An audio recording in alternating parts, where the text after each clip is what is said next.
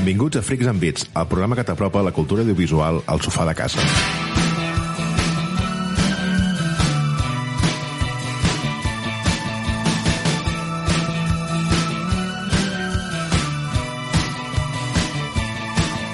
Avui, atabalats per la vertiginosa velocitat del teleprompter i l'ensordidor soroll de les rotatives, som...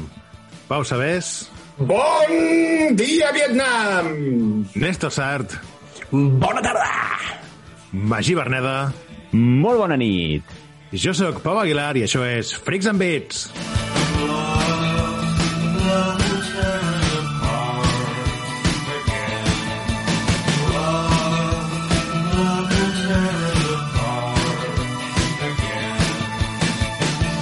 Avui tenim Freaks and Twitch amb la conferència d'Ubisoft, dissecció sobre periodismo i videojocs de paraules. I avui, en comptes de començar directament amb la dissecció del programa, hem decidit que què millor que començar parlant de nosaltres, amb una mica d'unanisme i sobre el futur de Freaks and Beats, què és el que ens depara el, el futur, senyor director? Què, què podem dir?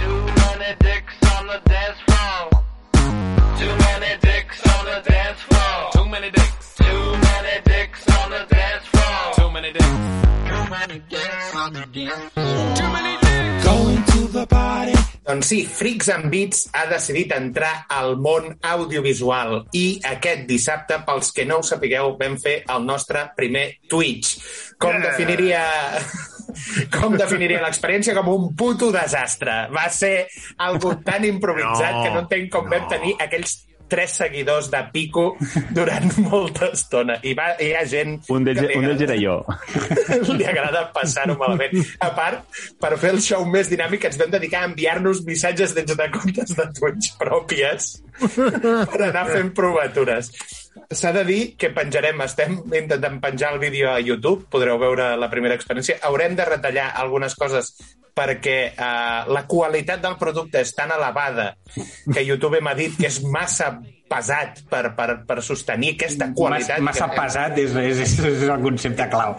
Tu calla, rata, que vas abandonar. Ho podreu veure, abandona el vídeo, eh, abandona el, el, el, el problemes de showcase. connexió, problemes de connexió, nois. Sí, i es va dedicar a boicotejar-nos des de l'exterior. Es va llançar en paracaigudes el Néstor salvant-se de la debacle total.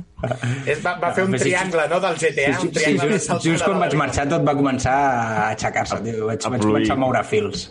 Agrair, agrair al Roger Baldomà i a la Cimer Valenciana el raid que ens van fer al final del programa i que ens va donar un pic d'audiència de la friolera de 30 followers en un moment determinat. O sigui, va ser algo molt... Sort que van arribar al final... Són aquests, aquests primers passos necessaris. Però sort que, sort que van arribar al final quan, quan ja ho teníem agafat, perquè la mecànica inicial, sense saber com posar el vídeo i explicar-li al Néstor el que estàvem veient la resta, és digne d'admirar. Us ho També, diem. també val a dir que alguns dels, dels col·leguites que tenim per Twitter que ens van dir hòstia, podíeu haver avisat i tal. És que ho teníem pensat fer-ho amb moda també una mica de provatura. Tampoc no és allò que volguéssim fer la gran estrena, allò mundial de Freaks Sí, and no, Twitch. Però bueno, Soc- soc- la, la idea és que sigui una, algú que, que anirem fent, tant sí. amb videojocs com eh, veurem quin també format de sèries i cinema podem trobar que és interessant, ja siguin amb estrenes o comentant alguna sèrie que ens hagi agradat. I res, us esperem a tots, que, que, que vingueu allà a dir la vostra també. Va ser, va ser tota una experiència i realment és que a mi m'agrada molt això, això que el Pau comentava el Pau, el tema de la provatura. Jo no sé, aquí ara el que domina, el nostre mestre de Twitch és el Pau, Pau Sabés. O sigui, imagineu-vos la qualitat. No, no, però eh, és que, clar, jo, no, jo ara estic pensant, si jo volgués fer un Twitch i, i d'entrada, no, jo no sé com, com es fa. Llavors, és a dir, sisplau. no, no, no, no. Me ha vuelto a passar.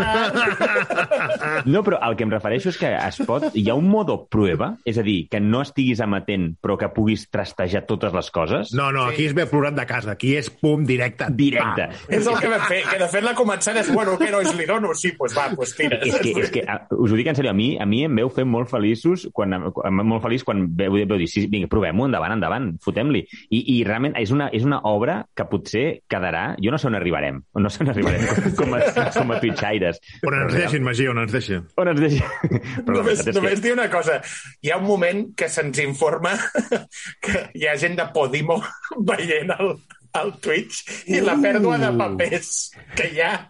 Doncs estan veient... Bueno, Gete Prieto, eh, una mica. Sí, sí. Masterpiece, aquesta, aquest primer vídeo. Jo, de tant en tant, quan estigui trist, me'l posaré, perquè... Sí, perquè si serà com aquells, com aquells càstings no, que treuen d'actors als inicis de la seva carrera, no? amb, amb un look extravagant i fent el ridícul. Un un moment. no- Paper de pallasso cambrer.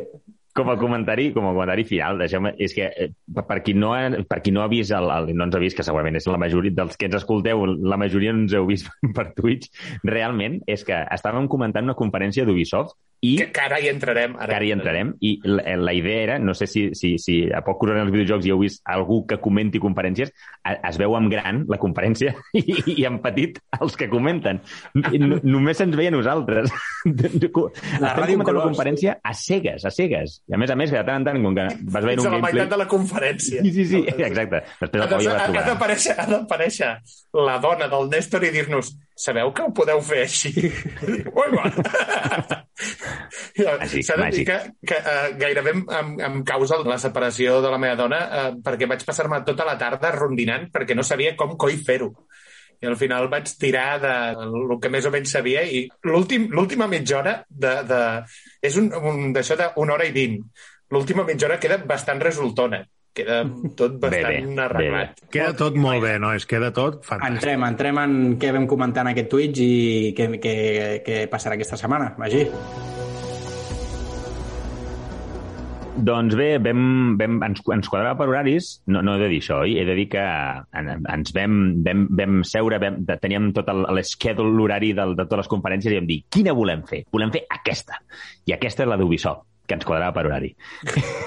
I, i, I la idea era aquesta, provar amb el via Twitch i, i doncs, gaudir d'aquesta... Gaudir entre unes cometes, perquè jo crec que tots anàvem molt, molt amb, amb les expectatives baixes. No sé vosaltres, però crec que Es van complir, Magí, les expectatives. es van complir les baixes expectatives. I, I aquesta és la idea, doncs, veure la... Ja sabeu que estem en aquesta...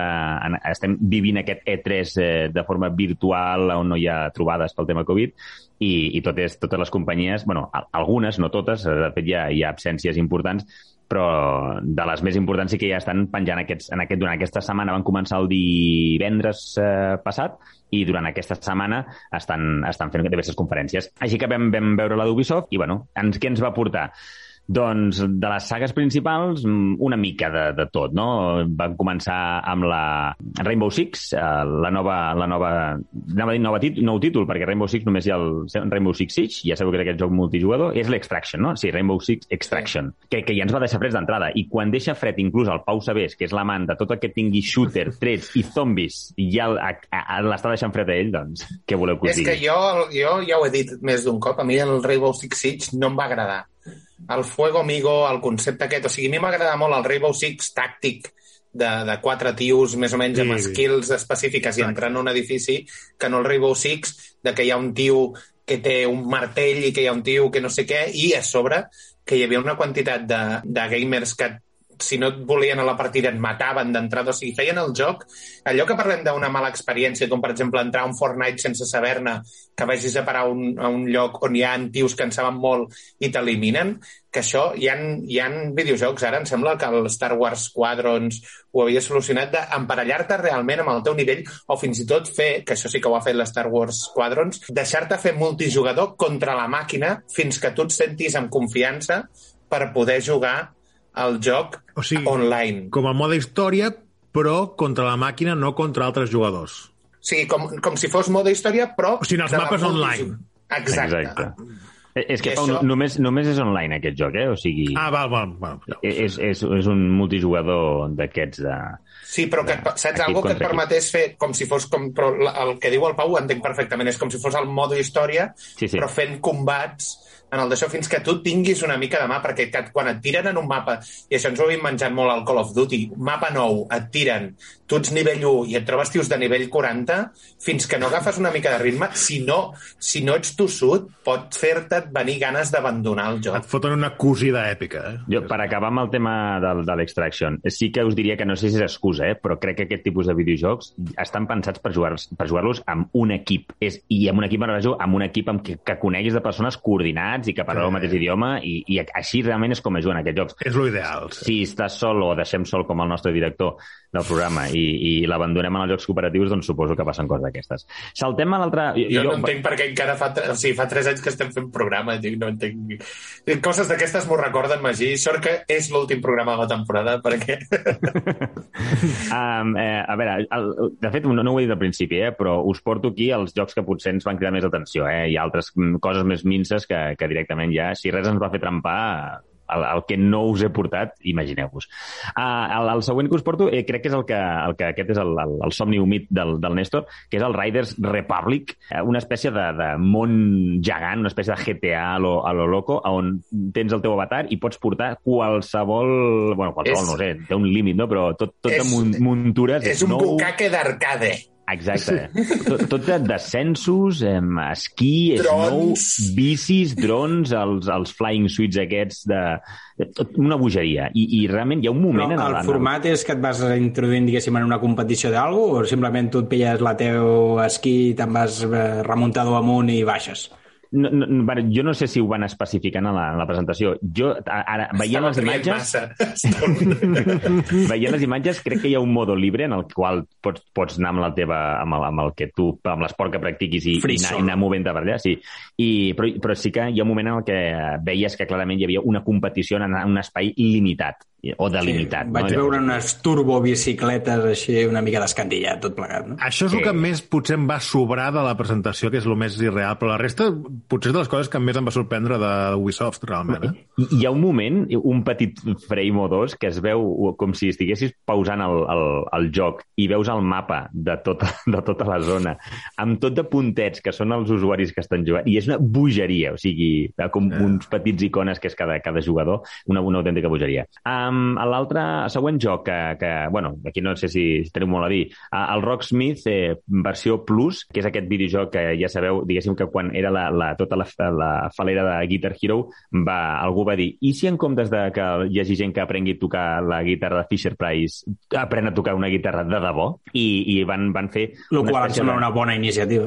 Crec, sí, és, jo crec que és molt bona iniciativa i el que passa és que segurament el, el perfil de videojugadors i que a més a més els toquin la guitarra, o perquè jo crec que decidir posar-te a aprendre a tocar la guitarra amb aquest videojoc no sé si és la millor decisió de totes. No, no només és un nínxol molt, molt, molt petit, sinó que a més a més crec jo que és aquest tipus de jocs que és tu compres amb tota la il·lusió del món i fas dos, tres lliçons i l'acabes deixant a l'estanteria És, criant el- és el típic joc que t'has gastat el joc, la Sí, sí, guitarra, la el guitarra. cable de l'ampli, no? I acabes fent quatre si no és tan senzill! No? On està la meva Fisher-Price? És el curs, el curs CCC, sí, sí. 18 anys, 18 anys de guitarra que vaig fer jo, com per que ara vingui aquí un tio i et digui azul i rojo, saps? Ja soc, ja soc Eddie Van Halen. Bé, el que sí que potser em va, em va generar més destrempera amb el Rocksmith és que, a més a més, et diuen que no és un videojoc que compres i ja, i que van afegint, sinó que ell directament ja és, un- és un joc servei. O sigui, és una subscripció. Has de pagar Anar subscripció. cançons i merdes Sí, aquestes. entenc que Que és com atractiu. el Netflix de los juegos de guitarra. Zero, sí, sí. Ara no. el concepte aquest del Netflix de, vull dir, ho apliquen absolutament tot i em sembla lamentable. O sigui, aquest, aquest... Sí, i, i potser és un error eh, clarament amb, amb, amb certs Home, si ja tens un nínxol que a sobre el vaig a exprimir, ja és que... Però, Néstor, és millor dir el Netflix de que no pas l'escurabutxaques. Ja, exacte. un concepte més friendly. Saca quartos, no?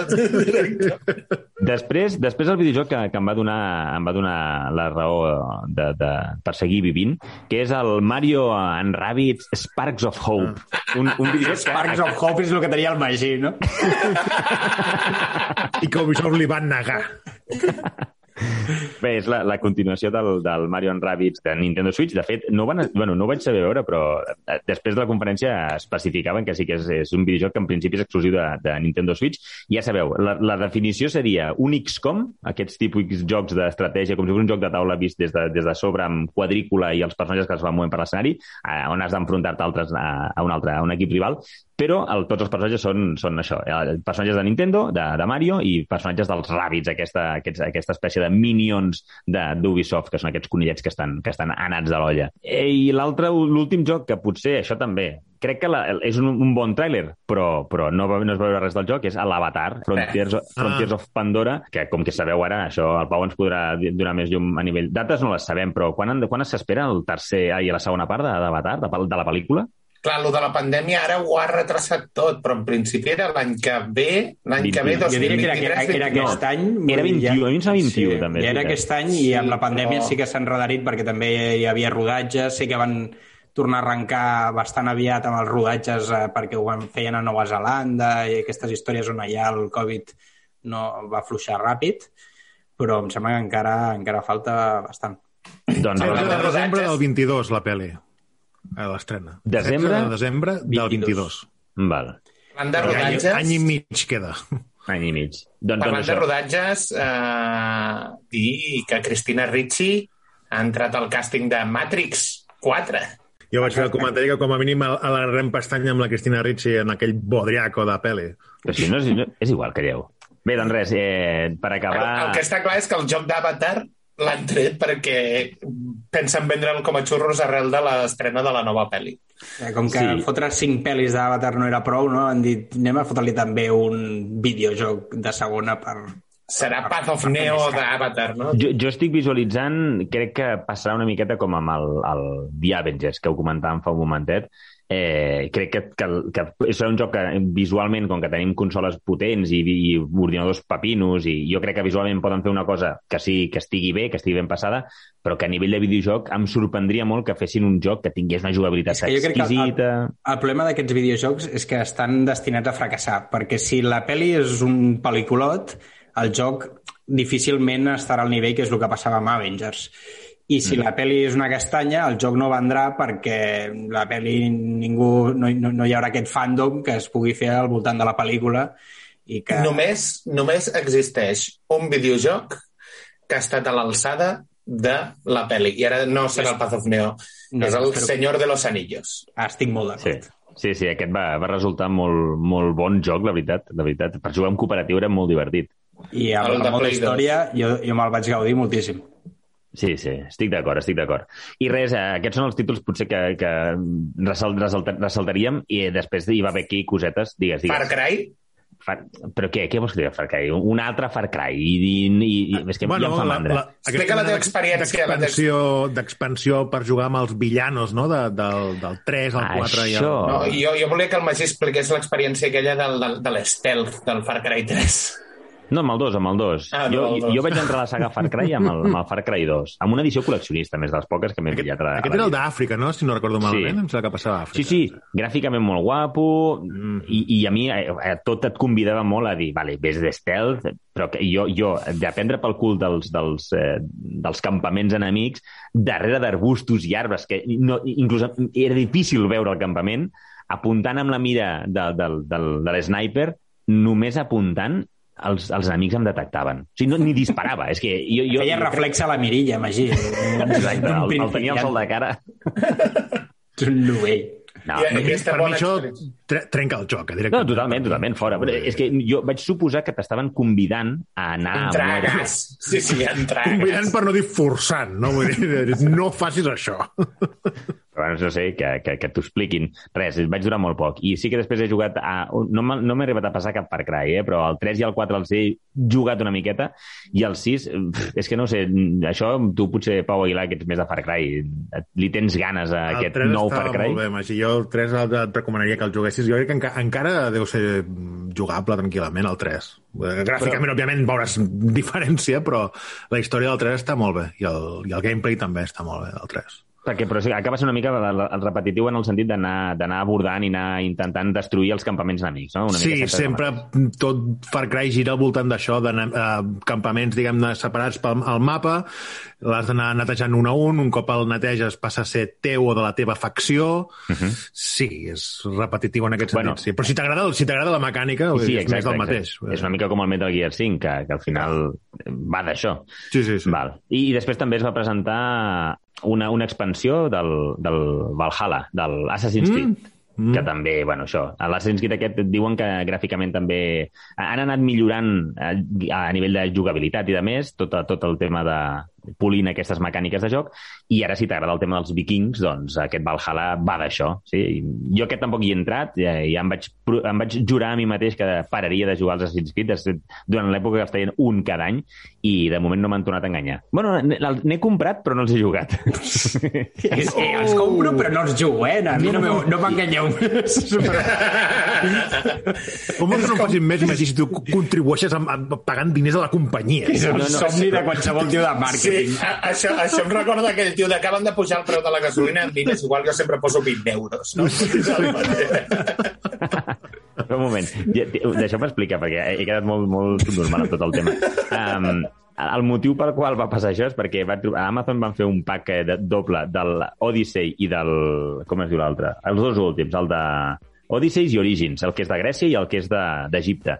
I eh, me'l vaig comprar quan estava molt baratet, em sembla que em va costar 15 euros, els dos jocs, vull dir que està de puta mare, i a més a més ho vaig fer sobretot perquè hi ha una modalitat, i que la volia provar i no la vaig arribar a provar, que és un- una modalitat de videojoc lliure a, a on està centrat a, a, un, a un nivell educatiu, perquè, com sabeu, es curren un munt tot el tema de, de les, dels eh, eh, monuments, edificis, a més, Assassin's Teach. Oh, oh boníssim. I, i, I la veritat és que està, estava, aquesta idea és molt xula. Havia vist gameplays i és molt guai. T'acostes a les piràmides, a més t'explica tot, tot... I, i, no sé, és una manera que crec que de nivell Turisme, d'aprenentatge... turisme virtual. Turisme virtual. Hòstia, però si jo si fos profe d'història, que soc de ciències, però si fos d'història, doncs, eh, jo una, els obligaria a jugar una miqueta aquest joc, saps què vull dir? Així, per això t'estimo, tio, perquè sé que si surt un joc que el regalen als Smax, tot el compraràs amb mi, no, no com Si- aquestes dues rates de merda. Si tio, té un mínim d'eix educatiu és suficient. No, no, però, però el Magí té, té aquest diògenes també col·leccionista que, que a vegades li, li, el supera aquesta situació i sé que si li faig una mica de puja emocional, va, Magí, tio, que No, no, és que, és que un moment, és que jugar. Pau Aguilar i Néstor, nois, hi, hi havia videojocs que el Pau volia jugar cooperatiu que són 9 euros. 9 euros Però i, si no és, qüestió, no és qüestió del preu, dir, és que és el que no entens. és, és qüestió de que per 9 euros tenim una, una tarda que el nostre director està content. Però tu Jo saps crec- quan fa que no tinc una tarda, jo? una tarda. Molt bé, fins aquí el, el, el recull de la conferència d'Ubisoft. I ara, Freaks and Beats, la dissecció sobre periodismo.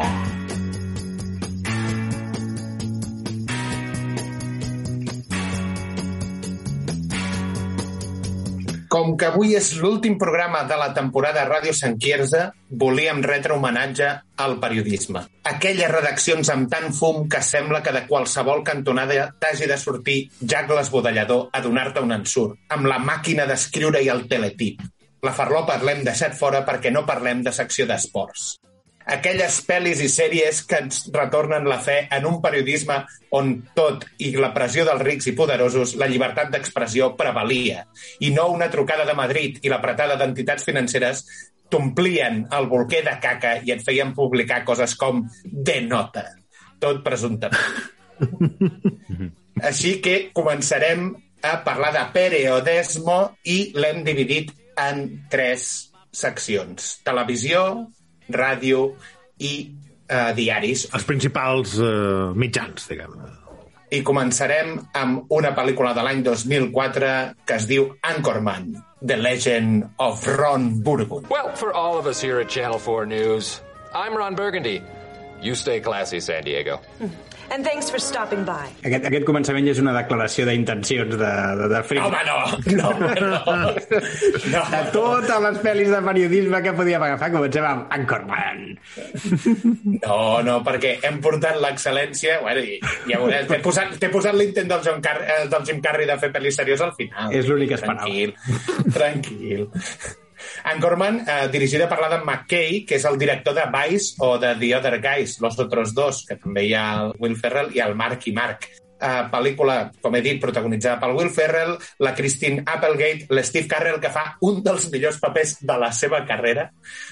Trobo que el paper que fa allà és brillant. El Paul Rudd, el David Kochner, el Chris Parnell, el Fred Williams, el Seth Rogen, i aleshores hi ha aquella escena tan mítica de Brutal. lluita, El, el cameo, 25 milions de cameos A la primera, el cameo és, és més moderat, i el Ben Stiller, el Tim Robbins i tal, però a La la, segona és ja pel·lícula- despiporre. que és Los Amos de la Notícia, Anchorman 2, The Legend Continuous, de l'any 2013, ar arriba a aparèixer Will Smith, Harrison Ford, Liam Neeson, Jim el Carrey. Jim Carrey, la Marion Cotillard, o sigui, apareix... A mi m'agrada el, el detall que el Liam Neeson, que és, és del canal d'Història, li diuen, però què fas aquí? Ets del canal d'Història. Diu, som notícies però explicades molt més tard. Sí. I que ve amb el Minotaure, que, li diuen, el Minotaure no és ni història. Però tot i així, el, el, per, per mi el millor és aquesta lluita que tenen, que la primera és una lluita que tenen amb ganivets, navalles i tal, i hi ha alguna pistola. Aquesta segona acaben amb morters i amb el Will Smith amb, parlant amb ràdio amb un avió Cook these fools, cook these fools. és brillant. Però bueno, parla del Ron Burgundy, que és el, el, el líder de la televisió, el líder de San Diego, o és un d'aquests morning shows de notícies, i de cop, com que els temps estan canviant, perquè representa que és als anys 70, i li posen com a copresentadora una dona en un món totalment d'homes, i ell no ho pot entendre perquè ell viu en un masclisme d'aquests de, de, de ment curta, i tots els conflictes que té fins que acaba acceptant, perquè ell només entén a les dones com a objectes sexuals o, o, o accessoris, i l'acaba acceptant com a companya. És una pel·li que és prou divertida. Si t'agrada el Will Ferrell, t'agradarà. Si no t'agrada el Will Ferrell, no miris aquesta pel·li perquè és un monòleg d'aquest senyor. Bueno, és Tot tot que aquest Ron- humor que fa sempre el Will Ferrell, no? Molt histriònic, molt exagerat, molt d'humor una mica absurd. Sí, aquell moment que plora a la cabina perquè ha perdut el gos i és ell hiperexagerat i tal. Però Ara sí, entrem a la segona, que aquesta és una sèrie que la podeu trobar a HBO de l'any 2012 al 2014, The Newsroom. Well, our Constitution is a masterpiece. James Madison was a genius. The Declaration of Independence is, for me, the single greatest piece of American writing. You don't look satisfied. One's a set of laws and the other's a declaration of war. I want a human moment from you. Why is America Not the greatest country in the world, Professor. That's my answer. dirigida per O. Aaron Sorkin, el senyor de la blancor i el bonisme, protagonitzada pel Jeff Daniels, company de Jim Carrey a Dos tontos muy tontos, que aquí fa un paper totalment diferent i Sí. molt millor. No, i té el, el, el discurs aquell a la universitat que O és, sigui, els, vi- és, el és primer meravellós. els primers 20 minuts de, del primer episodi són canalíssima. A, a mi em van comprar iaia, vull dir, amb, el, amb, amb aquell discurs de, del, del, perquè que els hi pregunten, hi ha com una taula rodona amb diversos periodistes i hi ha un estudiant que els hi diu per què creieu que Amèrica és la millor, el millor país del món? O una cosa així em que els hi ve preguntar, no? I tots fan el seu discurs de no, perquè és la terra de la llibertat, i l'altre perquè discurs d'aquests molt prefabricats eh, típics, i el tio diu eh, Amèrica no és, no és el millor país del món, ja fa molt temps que no ho és, i comença a fotre un discurs fent un anàlisi periodístic de veritat, no? fent, analitzant dades, analitzant com, com ha evolucionat no? la democràcia als Estats Units i tal, demolidor, que es queda tota l'audiència amb una espècie d'un silenci d'aquest de dir, oh, oh, lo, oh, lo que ha dit, lo que ha dit. És, és, és, és meravellós, va encantar aquell discurs. Sí, sí, és, co- eres comunista? Sí, sí, a algú. Comunista!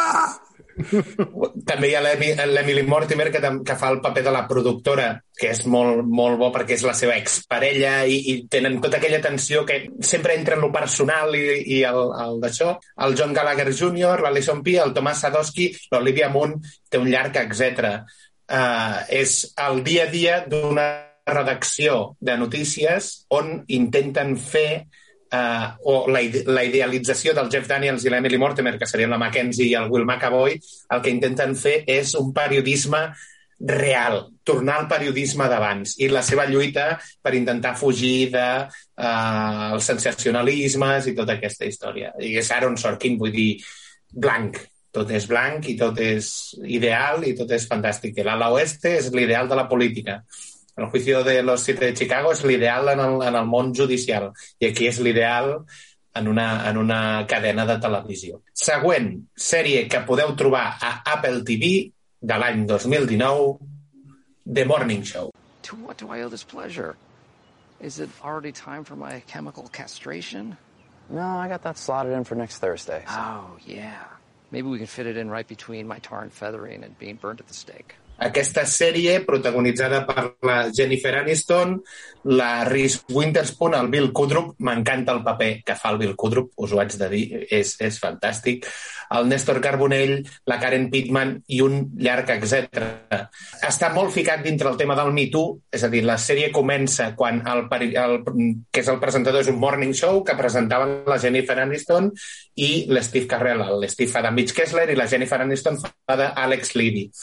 Aquests dos eh, presentaven el programa i de cop salta un escàndol intern que es fa públic d'abusos sexuals o misconduct sexual sobre l'Steve Carrell. I en el mateix moment, la Reese Witherspoon, que és una periodista d'un Kansas Today, perquè ens entenguem, un d'aquests que va poble a poble i va recorrent, fa un vídeo viral perquè s'enfronta a uns manifestants i els hi fot també un discurs d'aquest tipus, el que li havia fet el Jeff Daniels a la noia, però li Sí, fa... el que cridant i agafar-lo per la solapa, no? I li va i dient... dient-li, no tens raó perquè això, i digue'm per què dius això, si no tens raó, i li va tombant els arguments, i aleshores just eh, la criden amb ella perquè el vídeo s'ha fet viral, i el que és el, el cap de notícies de, de la cadena de televisió veu el filon en aquesta noia i decideix posar-la com a copresentadora al costat de la Jennifer Aniston. Hi ha tot aquest tema del Me Too, com la cadena ho ha estat tapant, com aquesta periodista, que és una periodista que creu que és de raça i que tal, comença a investigar i com va creixent tot plegat. El Bueno, i paper la de figura també de la Jennifer Aniston que fa un paper brutal, també. A mi em va encantar, el paper que va, em va sorprendre molt, molt positivament, el paper que feia la Jennifer Aniston, perquè fins al moment l'havia vist en papers més en clau d'humor, eh, i en aquesta, en aquesta sèrie fa un paper d'aquesta periodista ja que porta tota una carrera llarga, que ha sigut un referent, però que sempre ha viscut mig a l'ombra no? d'aquest, del, del, de l'Steve Carrell, del personatge de Steve Carrell, i, i, i com ara, en teoria, ha de ser el pilar que segueixi mantenint el programa líder d'audiència als matins i, i fent aquest salt cap a, cap a un nou model de programa de matins en què s'empodera la dona i, i ella com a, encara no... O sigui, com va a- intentant s'adaptar a aquest nou rol. Eh, a mi va, és una sèrie que em va encantar i que faran segona temporada en breu. Eh, ara no sé exactament quina data és. Eh, I que em va, com deies, el, el jefe del, del, del, de notícies també eh, és El Marc Duplass, que és el productor, és fantàstic, però aleshores el Bill Kudrup, que és el... Ah, no, el, aquest el, volia dir, sí, sí. el que és... eh, Matthew McConaughey una miqueta, aquest el, el, el, us sonarà potser si heu vist uh, The Spotlight, que fa d'advocat i tal, però és un Bueno, també és el, és el Dr. Manhattan, no?, de, de, de Watchmen. De, de, de Watchmen. I fa un paper com de, de un cap que vol canviar totalment la línia del programa, però No, i que, i que, i, ningú. i que entén, i, com- i, i diu, això eh, està molt bé, les notícies i tal, però això ha de ser eh, un espectacle, ha d'enganxar la gent, ha d'agradar, ha de ser excitant, ha de ser, no? Eh, i, I com li vol donar una volta a, a aquest, a aquest ritme tediós, no?, de sempre dels ma- de- d'aquests programes matinals. I la, la sèrie aquesta, encara que, encara que surti el, el Steve Carell i la Jennifer Aniston, no és una comèdia. Gens. Té, No, no, té algun, és el té que algun gag, diguem-ne, de, té, té algun moment de que sí que, que de rius per alguna situació que dona, però no, l'Steve Carrell fa un paper totalment seriós, és el que Seriós, és va. del, del Me Too, es, està... És clar, era un tio que era un déu, per dir-ho d'alguna manera, i que se li ensorra el món perquè té aquesta acusació i, i el fan fora del seu programa, diguem-ne, i, i com intenta La- la- Bueno, lluitar per, per, no era- no era- per tornar al seu lloc. No? no era tan, pub, tan públic, però el Harvey Weinstein, en el, en el món de, de fet... de, la és que productor, sí. de les productores... Juga una de mica- fet, juga una mica en aquest. que, exacte, ell representa que ell, com a, a presentador del Morning Show, havia parlat de l'escàndol del Harvey Weinstein. Mm. I aleshores ell tota l'estona és que és molt bo el paper que fa a l'Steve Carrell perquè ell no es veu ni Com es compara com el sexual, Harvey? Weinstein Exacte, ell no es veu com un depredador sexual i aleshores quan es va obrint el pastís Mm. te n'adones de certes coses que ell no es compara, però que potser sí s'hauria de comparar. O sigui, és molt bona la sèrie. No, no, es, molt com- no és que, o sigui, no es, ell no es vol comparar, però després a la que acabes et van explicant els fets cauen pel seu propi pes, saps? Vull dir, tu, tu pots no considerar-te o pots veure-ho amb la teva pròpia visió de que no, no, jo no he fet res, jo li, aquesta noia simplement, sí, vam tontejar i tal, però que quan ho portes a la realitat es desmunta aquest discurs seu. Però bueno, no, no, no m'aixequem molt amb spoilers. Vinga, doncs, següent. Pel·lícula de l'any 2005, Buenas noches y buena suerte. Dirigida per en George Clooney i nominada a millor pel·lícula, millor director, millor actor i millor guió de George Clooney, també, junt amb el, el gran Heslov. Protagonitzada pel David Starheim, el George Clooney també surt, el Jeff Daniels també surt, la Patricia Clarkson, etc etc. Parla de l'època de la tele amb el macartisme, amb el macartisme dur, i com ell, eh, el presentador d'aquest programa, que és l'Edward Murrow, s'enfronta al senador McCarthy per tot aquest, per, per tota la situació de La McCarthy. caça que de bruixes aquesta, no? De... la caça de bruixes és la, la, el, tot el que olorava comunista als Estats Units no, no agradava i el McCarthy es va dedicar a fer una llista de gent del públic eh, de cinema tal, cultural, que oloraven a socialisme. I els feia judicis sumaríssims al Congrés, els, els marcaven com a pastats i tal, i com aquest presentador s'enfronta una miqueta al, al macartisme. Sí, el presentador, tota la redacció, no?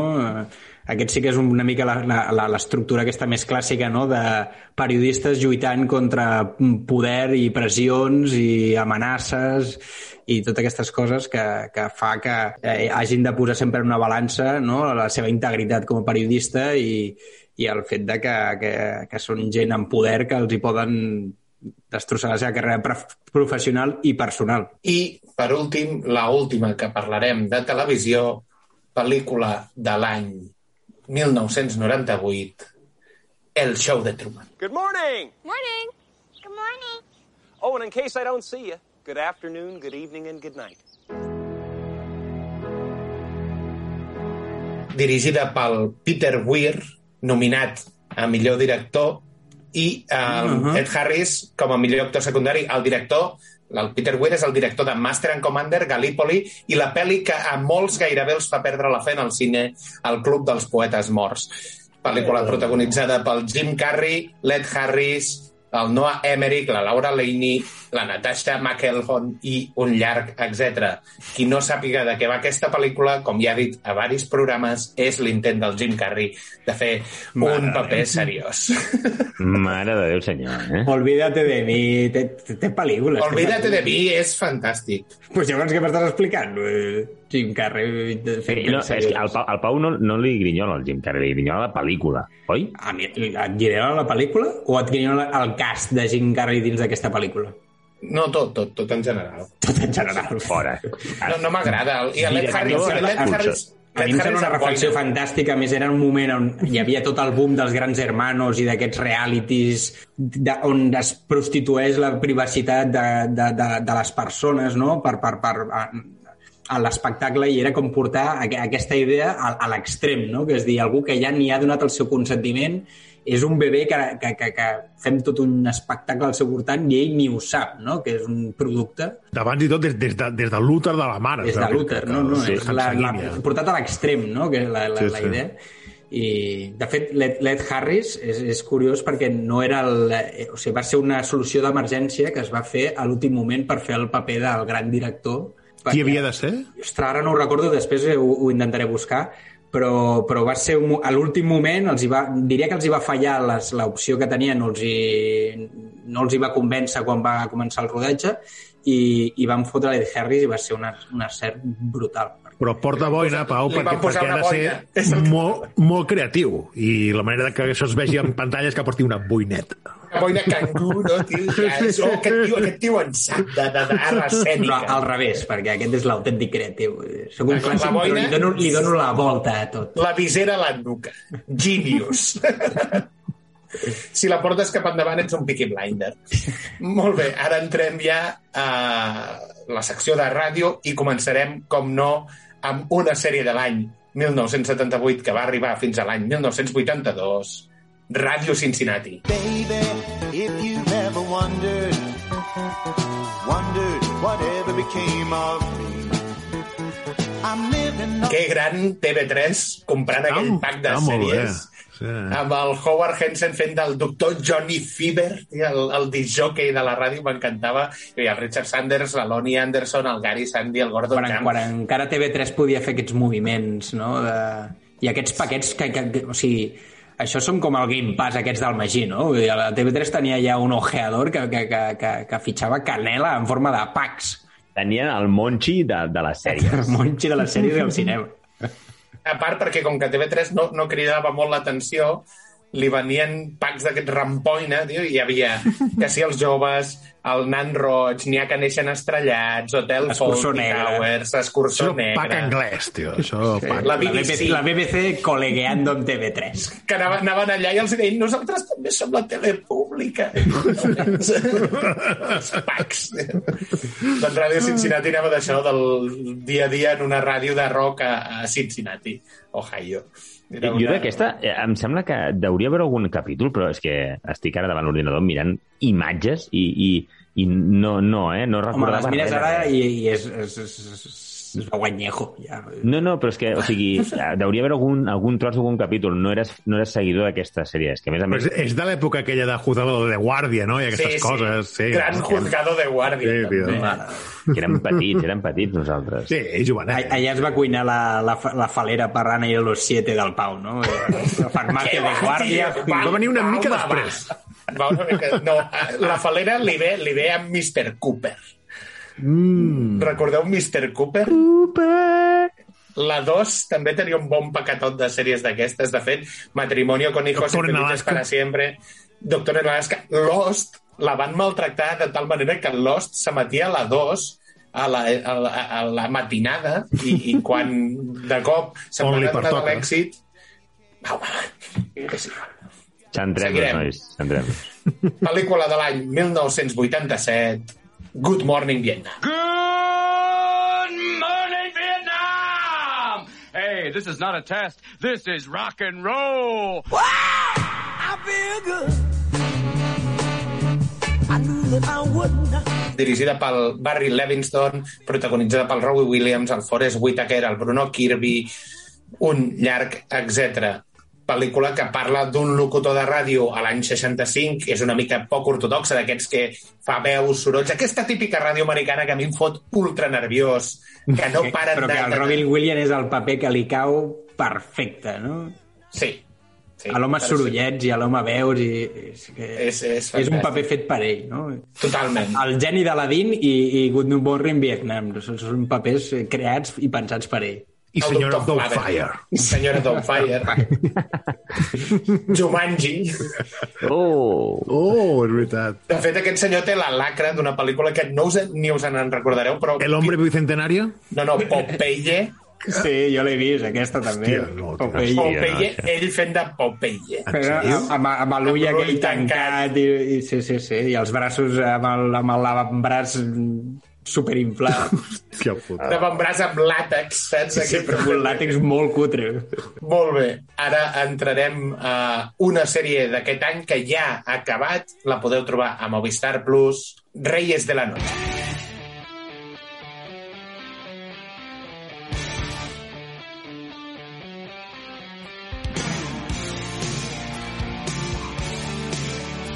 Los Reyes de la Noche, protagonizada por eh, Javier Gutiérrez, Miki Esparabé y un sinfín de pisaboñigas.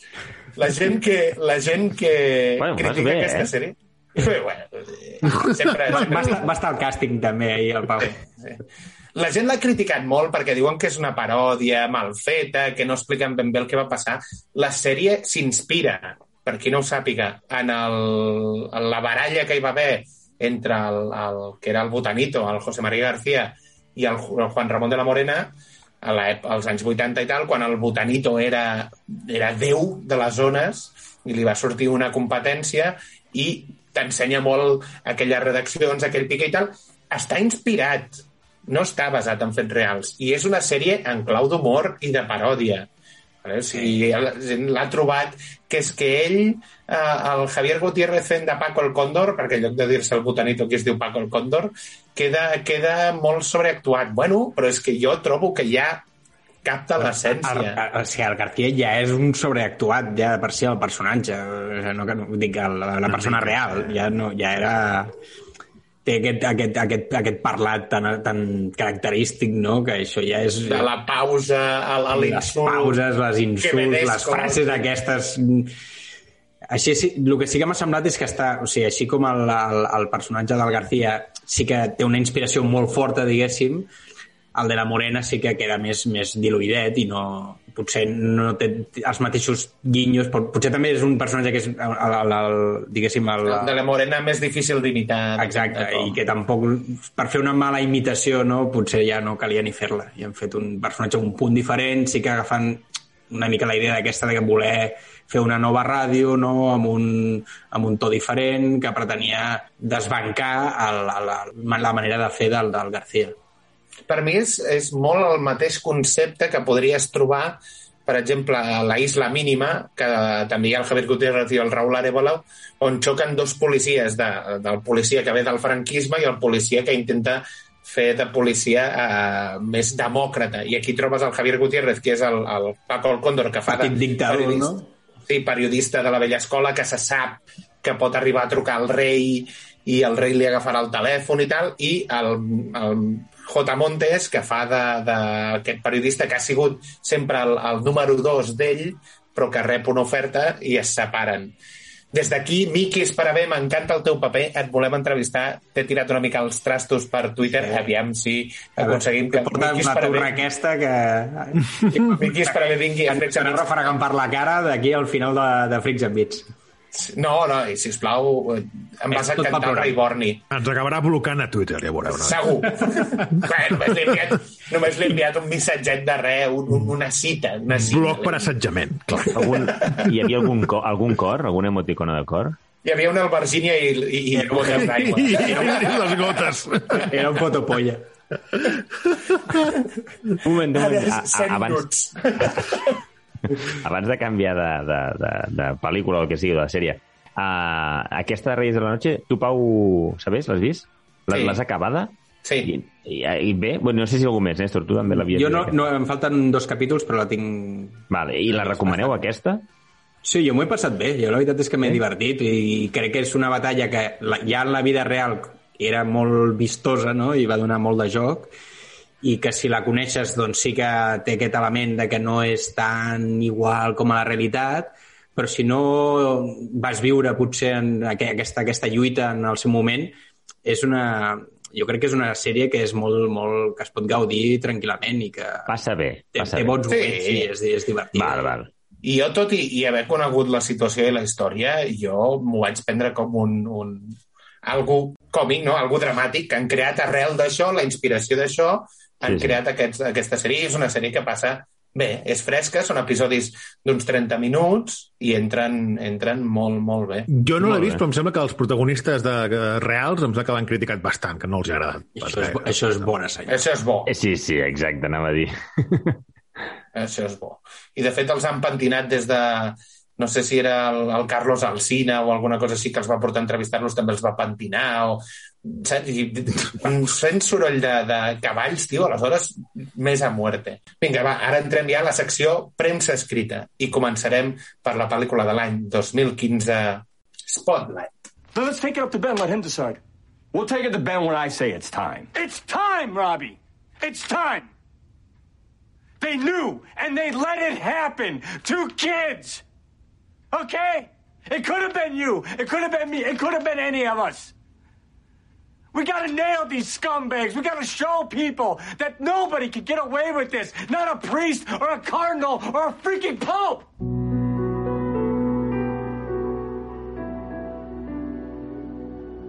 dirigida pel Tom McCarthy. El seu director és un actor, també, que ha sortit a Banderes de Nuestros Padres, Siriana i a Buenas noches i Buena Suerte, precisament, Ah, com a mira. Protagonitzada per el Mark Ruffalo, el Michael Keaton, el Jeff Scriever, la Rachel McAdams, el John Slattery i el Brian Darcy James. Qui no ho sàpiga, està basat en Spotlight, és com una revista del Boston Globe, que surt cada X temps i que es dedica a fer només periodisme d'investigació. Boston, que està està farcit d'irlandesos i per tant és una ciutat molt catòlica, eh, hi ha moltes esglésies i molt d'això, i comencen a investigar el que seria els abusos per part de capellans en nanos de, de les seves comunitats. I està inspirat en aquest equip que va guanyar precisament el Pulitzer arrel d'aquest reportatge. Dir-vos, jo em va costar molt veure-la perquè aquest tema em remou moltes coses per dins, però és una pel·lícula que no fot el dit a la llaga, és a dir, no t'ho fa passar molt malament. És una pel·li que, el que com al Néstor li passa en Regreso al Futuro, que quan l'enganxa l'ha de veure, si jo veig que estan fent Spotlight, sempre l'acabo veient perquè m'encanta. I el Mark Ruffalo fa un paper finíssim, el Michael Keaton fa un gran paper també. O sigui, els quatre de Spotlight, uh, la Rachel McAdams i el Brian Darcy James també fan un gran paper, però el Mark Ruffalo i el Michael Keaton estan finíssim. Us havia dit, us havia dit, perdona, eh, Néstor, us havia dit que no l'havia vist i sí, eh? Sí, sí que l'he vist, sí, confirmadíssim, també, eh? La tenia... Aquesta, em recordo, recordo que em va costar molt anar-la a veure, però era d'aquesta que havia tingut tanta tan bona crítica que la vaig enganxar al cinema, però allò a punt de que la tragués de cartellera. Sí, sí, i peliculón, peliculón. És pel·lículon. Sí que té aquest ritme d'investigació pausada, que no, no és un ritme frenètic de persecucions... I... No, perquè és un joc de poders en què el periodista ha de fer els equilibris i veure això que dèiem una mica, no? de que fins a on estàs disposat a arriscar, no? en, en el nivell ja més personal, pràcticament. I a mi el que m'agrada d'aquest tipus de pel·lícules és que tenen un format també una mica policíac, no? d'aquell aquell clàssic dels, dels, del policia que investiga un crim i va seguint les, la, la, les molles que, que, va, que, van, que li van deixant el rastre i que sempre, eh, perquè també hi ha l'altre clàssic del policia amb el cap que li diu deixa aquest cas, ja no, no m'han trucat des de dalt, no, no, no investiguis més, i com en aquestes sèrie, pel·lícules així molt periodístiques eh, de reporters, també hi ha aquesta figura dels caps que reben pressions de polítics, de mitjans, denunciants, de, de tot aquest entramat de- d'interessos que hi ha darrere d'aquestes grans corporacions i com al final els propis els protagonistes acaben sent els propis investigadors, no? I, i la seva perseverància i tenacitat per, per, per acabar destapant la veritat pel bé comú, no? Posant en, en perill la seva pròpia mira professional. Guanyadora, guanyadora d'Oscar a millor pel·lícula i millor guió. O sigui, ja us ho Això diu. diu tot. Una, un pel·lículon. Entrem a una altra pel·lícula, aquesta de l'any 2017, The Post o Los archivos del Pentágono. These are extraordinary circumstances. Uh, are they? Are they? For a newspaper? One that covers the Nixon White House? Can you guarantee me that we could go to print without endangering any of our soldiers? You can't be considering going I'm talking to Mr. Bradley. dirigida per Steven Spielberg, protagonitzada per la Meryl Streep, el Tom Hanks, la Sarah Paulson, el Bob Odenkirk, el Bradley Whitford i un llarg, etc. La Meryl Streep està tan bé en aquesta pel·lícula. Representa que és eh, la directora del, del Washington Post que ha hagut d'agafar... Està, està basada en un en personatge En un cas real. Sí, sí, sí, està basat en un fet real. Ella és la filla del fundador del Washington Post. El relleu l'agafa com a director el seu marit, però el seu marit es suïcida. I aleshores ella es troba que ha de dirigir un diari sabent-ne, perquè ella és molt llesta, en un món d'homes on se la menysté, ella dubta d'ella mateixa, tot i sent molt bona, i eh, té aquest rol eh, de la lluita d'ella en el món d'homes i aleshores tens tot el tema del Tom Hanks com a director. O sigui, ell és, el, el, el, ell és la propietària i el Tom Hanks és el director.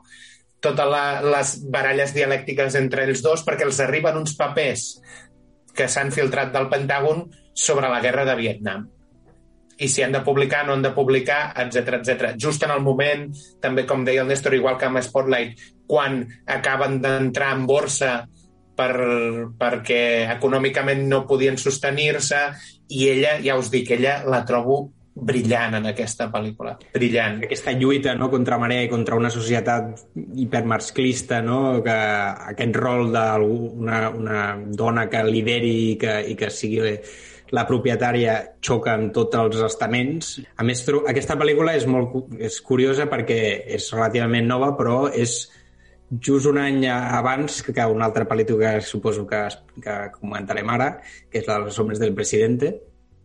No, però aquesta no és d'un any abans. bueno, no, no, no produïda, vull dir... Eh, Ah, vale, vale, vale. que Sí, els events que explica aquesta pel·lícula de Post Són d'un any abans... és un any de la- abans que el cas Watergate, que, Exacte. que, de la que es fa la pel·lícula aquesta de, dels homes de Persiana. Ara, ara creia que em deies de la, de la pel·lícula de- d'un any de, de, del 2017. I dic, No, no, hòstia, no, no, no, no. El, els Robert Redford i el, i el, el, el, I el, i el, Bra- el, el Dustin Hoffman. Dustin Hoffman fan aquesta pel·lícula i fan els dos periodistes que van destapar el cas Watergate, però el director que tenen del diari és el mateix paper, o sigui, el mateix director que fa el paper al Tom Hanks a la pel·lícula aquesta de Post.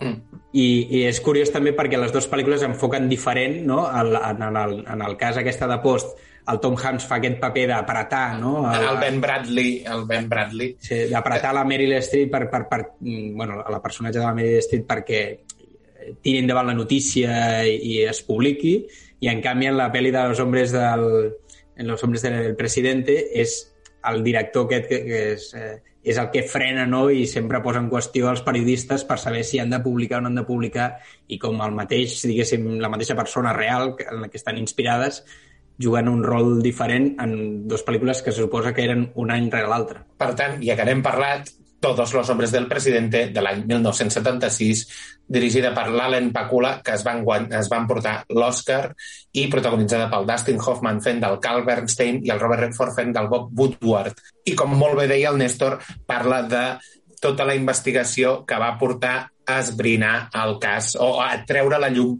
el cas Watergate. Aquí anava a fer, a la introducció, anava a fer un comentari que és aquella època en què els periodistes rebien la trucada d'un tio que els deia que era garganta profunda, que quedessin a un pàrquing a les 12 de la nit i anaven convençuts, sense sospitar que potser es trobaven sodomitzats i sense un ronyó en un hotel l'endemà, no? Era, no, no, he quedat con garganta profunda, pues avanti, avanti.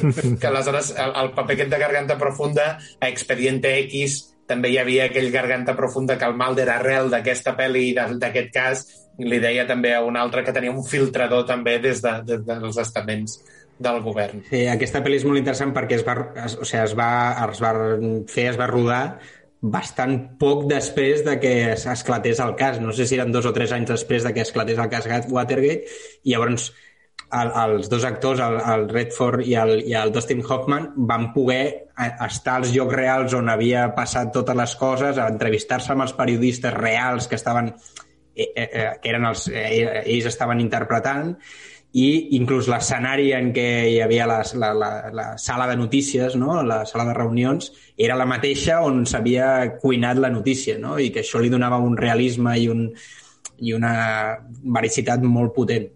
Hoffman i el Gurin, eh, en aquesta pel·li? Sí, sí. Amb un, unes melenites eh, importants. Vinga, va, les dues últimes. Ara entrem a la sèrie que porta el nom de la secció d'avui, que és Periodestes. I llegeixo directament de IMDB.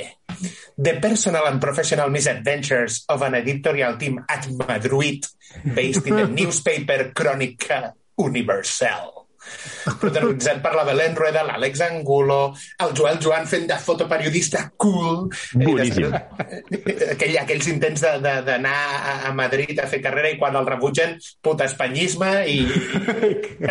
Soc molt català, jo. El Jesús Bonilla i tal. Bueno, era una sèrie que intentava fer una emulació d'aquest típic, d'aquestes típiques sèries americanes també de redaccions i de, de moviment, però sempre sona... És cuore amb un setting concret i punt, ja està, vull dir, tio. Sí. És com Elite Excuses perquè foguessin entre tots. Correcte. Però passava bé, és d'aquestes eh, fresquetes. Va tenir, va tenir un boom bastant important durant temps, dir, aquesta de periodistes, no? No sé quantes temporades, perquè jo, no, jo la veritat és que no, no, no m'hi vaig enganxar gaire, però, però sí que de- devria tenir Quatre. temporades, no? Quatre no? Més o menys. No era una sèrie bona com El Comissario, que era bona. Sí, de fet el comissari Però- era bona. sí. No, no, estic amb el Pau. Comissari Castilla, era- tio. Està... Era, era molt bona el comissari. Sí, sí, sí. Me sabe grave, eh? Però tothom, tothom es pensa que el comissari Amb el era com, Casqueiro. que era com los hombres de Paco, però no, el comissari estava bé. No, home, no, el Ojo que els homes de Paco te, te tornen, eh? Que tenen eh, una pel·li Sí, que, s'estrenarà no sé No, quan. però el comissario, el comissario tenia algun personatge sobrer, però hi havia alguns, alguns d'aquells inter aquelles interrelacions de, de feina, no d'això, però els casos estaven interessants. Ah. Però bueno, va, entrem a l'última pel·lícula de l'any 2006, El Diablo Viste de Prat.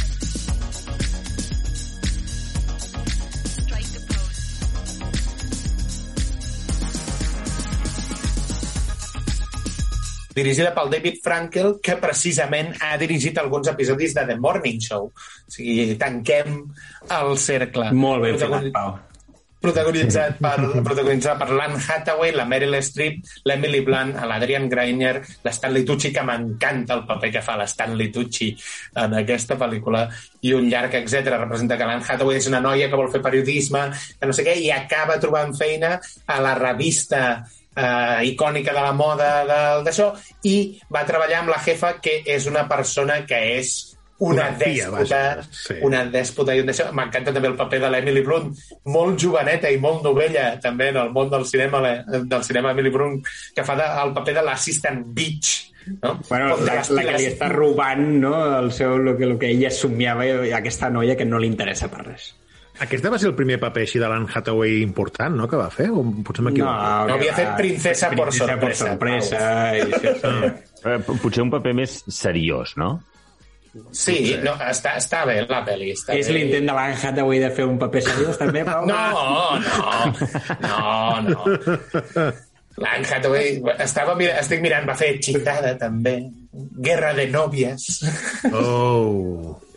I a partir de, de, i a partir d'aleshores ja fa Los Miserables, fa El Caballero Oscuro, Interstellar, Colossal... O sigui, ja, ja d'això. Però sí, sí, el, el primer primer és, a, a part d'una sèrie, la primera pel·lícula cinematogràfica, que fa el 2001, Princesa por sorpresa. Molt bé, fins aquí la dissecció sobre periodisme. I ara abans d'acabar, Magí, videojocs de paraules.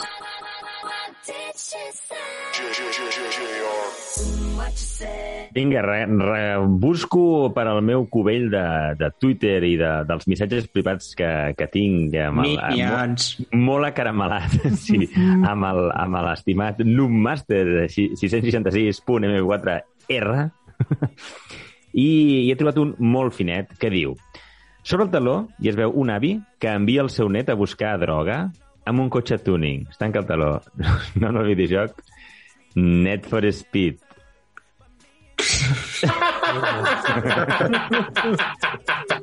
Net for Speed. Net, Net for Speed. M'agrada més, la, m'agrada més la situació, teu, quasi. Sí, sí, sí. Aquest avi enviant a buscar Spitio al seu net. Gràcies, Magí, pels videojocs de paraules. Gràcies també al Noobmaster. Fins aquí el programa d'avui. Gràcies, Pau Sabés. Gràcies i bon dia. Néstor Sart. Gràcies, bona tarda. Magí Berneda. Gràcies i bona nit. I un servidor, Pau Aguilar, recordar-vos que, tot i que s'ha acabat la temporada de Ràdio Sant Quirze, però ens hi podreu tornar a escoltar quan tornem els dimarts a les 10 de la nit, a Iscla 359 els dijous a les 10 de la nit, a plataformes digitals com iVox, Podimo o iTunes, i estigueu especialment atents aquest estiu a xarxes socials, perquè si fem programes fora de Ràdio Sant Quirze o emissions especials per, per Twitch, us, avisa, us avisarem per Twitter o Instagram, arroba FreaksBeats. Moltes gràcies. driving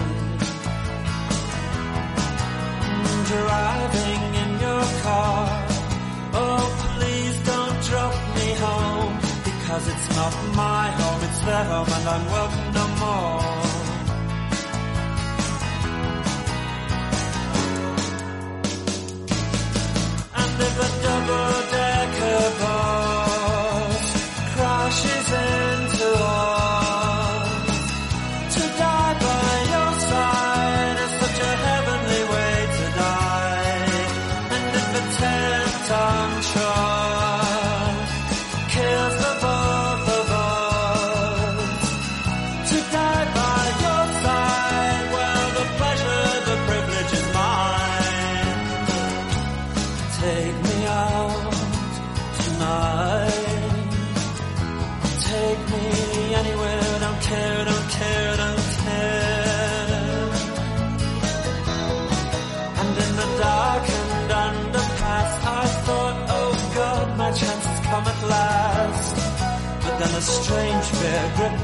just couldn't ask.